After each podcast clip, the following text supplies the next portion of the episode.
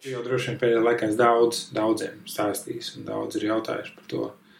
Bet uh, kādas bija tās sajūtas, kad uzzināji diagnozi? Nu, vispār es tā kā, cik sev atceros, visu mūžu biju baidījies, ka kādreiz izskanēs tāda diagnoze, audzējs, un abiem vecākiem tā beidzās dzīve, un bija tādas bažas, kā tas būs. Un tad tā notika. Un pie tam maksimālajā formā, ka uzzina, ka tas audzējs ir neārstējams, neoperējams, ir pēdējā stadijā, un būtībā beigas ir. Laika vairs nav palicis tā, apmēram. Tie ārsti lika noprast. Un es biju tik pārsteigts, ka man bija pilnīgs miers to uzzināt. Tad es sapratu, tas jau nav nekāda kaut kāda sevis iespaidošana, tāda saņemšanās. Tā vienkārši ir tāda dāvana. Tāds miers, kas ir pārspēja saprašanu, kā Dieva pieskāriens. Un tas bija fantastiski, bet tad bija jāsāk domāt, nu labi, nu dzīve beigsies, nu jānostājas Dievu priekšā, ko es varētu darīt ko es varētu darīt, kā es varu savu dzīvi kaut kā vēl savākt vai padarīt viņam patīkamāk, vai kas man vispār tagad jādara no tā attiecībās ar to, ka es nostāšos Dievu priekšā. Un es sapratu, ka lielos vilcienos neko.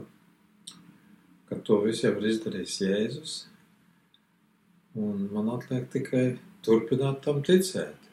Nu jā, varbūt kaut kur kaut kas ir kādiem cilvēkiem jāsakārto, dievam jānošēlo, bet principā es nevaru nekādīgi vairāk nopelnīt ieeja Dieva valstī, kā viņš jau ir dāvinājis. Un tas ir dev tādu, tādu stabilitāti. Tagad, um, tagad domāju, tur kāds laiks pagājis jau, cik ir pagājis, gan vēl gads nav pagājis, kopš uzzināja diagnozē. Nu, pagājis diezgan ir, jā, kādi astoņi mēneši, kas mm. ir pilnīgi dāvana, jo izklausījās, ka tur ir dažu nedēļu jautājums ar mani palicis, un es turpinu dzīvot. Un... Ir mainījies tā sajūta, nu, kā sākumā ir. Nu jā, vai ir mainījusies tā sajūta? Kā ir tagad tā sajūta par to? Joprojām tas pats miers ir? Jā, jā, jā. Bet tad es tā skatos, nu, tā dzīve turpinās, un es Dievam saku, varbūt tu man var piemest vēl kādus gadus, un pēc tam es gribētu, lai tie gadi ir tādi pilnvērtīgi, nevis tādi ar mokām un tā slimības gultā, bet ka es varētu arī būt noderīgs vēl šajā dzīvē. Un visu laiku man tā sajūta, mūžība ir tik bezgalīga. Nu, ja tā vispār var teikt, tik garš laika posms, jo tur jau laika vairs nebūs, bet, nu, salīdzinoši, ja, kas ir šie zemes dzīves gadi.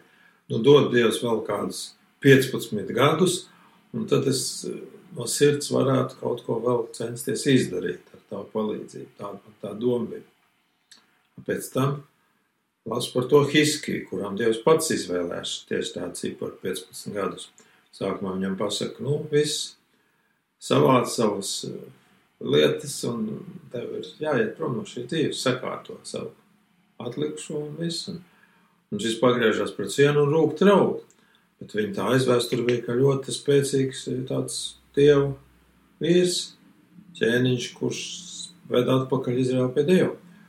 Viss tā ļoti, ļoti pozitīvi par viņu.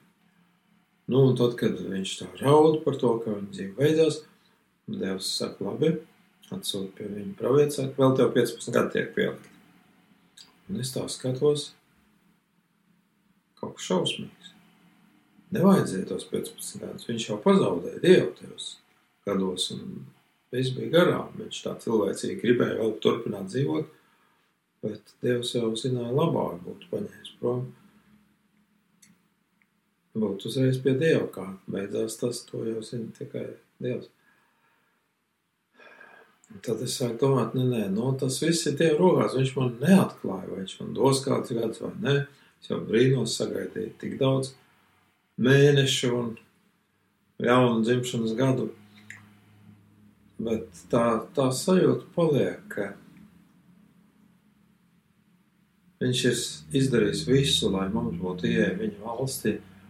mēs varam to tikai nu pieņemt kā dāvanu, kā tādu amnestiju, apžēlošanu, vai arī visādi citādi ar saviem darbiem mēģināt kaut ko tur izdarīt, kas ir apvainojums Dievam. Bet nē, es arī palieku pie tā, ka Viņš man ir to dāvinājis, un es par to varu tikai būt pateicīgs. Jā, um, liel, Lieldienu vēsts ir augšām celšanās vēsts. Um, kā tu savā situācijā redzi augšām celšanos? Vai tev ir bijis tā, tā lūkšana Dievs no augšām cel mani ar domu, ka dziedini mani, lai es te uz šīs zemes varu augšām celties, vai, vai kā Lieldienu vēsts runā tavā situācijā? Nu, apbrīnojamākais tajā visā ir tas, ka Kristus tiešām nomira dzīvības devējs, ļāva nāvei sev uzveikt, un tad gulēja kapā, nedzīvs ķermenis, viņa gars bija citur, kā jau visiem. Un tad šo ķermeni Dievs atkal saka celies augšā, viņš uzceļās dzīves un ir citādāks. Viņš pēkšņi var kaut kur parādīties, viņš izskatās neatpazīstams, viņš iet caur sienām. Tā pašā laikā viņš var ēst un pieskarties un apmīļot cilvēkus. Un kaut kas tāds mums neaptverams. Jauna tipa ķermenis, kas ir arī garantija tam, kādi mēs būsim. Kad Dievs mums piešķir šo jauno ķermeni, kurš vairs nav pakļauts slimībām, un sāpēm un iznīcībai. Un tas ir vienkārši fantastiski. Tieši, tieši tas Kristus augšām celšanās, tas fakts ir ļoti, ļoti spēcīgs un nozīmīgs. Un, kā Pāvils ieminās, ja mēs tikai šai dzīvē ticam tam Kristum, nu, tad mēs esam nožēlojamākie cilvēki. Mums jātic ir tam augšām celšanās faktam un jāpriecājas par to, ka tas ir pilnīgi tā kā paraugs, kāda mēs paši būsim jaunajā pasaulē, Dieva gaismas valstībā, tādā ķermenī, kas pats varbūt varētu teikt noausts no gaismas stariem savā veidā, es tā gribu salīdzināt. Tāds pilnīgi pārvērsts jauns ķermenis, neiznīcināms, nepakļauts traumām, ļoti skaists tiešām pēc Dieva līdzības, tā kā viņš sākotnēji mūs radīja, tad mēs to visu pazaudējam, tad viņš to atjaunos visiem tiem, kas viņu ir izvēlējušies, lai būtu kopā ar viņu šajā dzīvē un nākamajā. Un šī vēsts, ka dzīvība ir stiprāka par nāvi, tā ir tik skaista šajā bezcerīgajā pasaulē, Diemžēl cilvēki bieži iedomājas, jā, nu, kad nāks nāve, tas būs atvieglojums, daudz kas cieši, viņi tā ilgojas pat pēc nāves, uzskatot, ka tad iestāsies vienkārši nekas, nebūtība.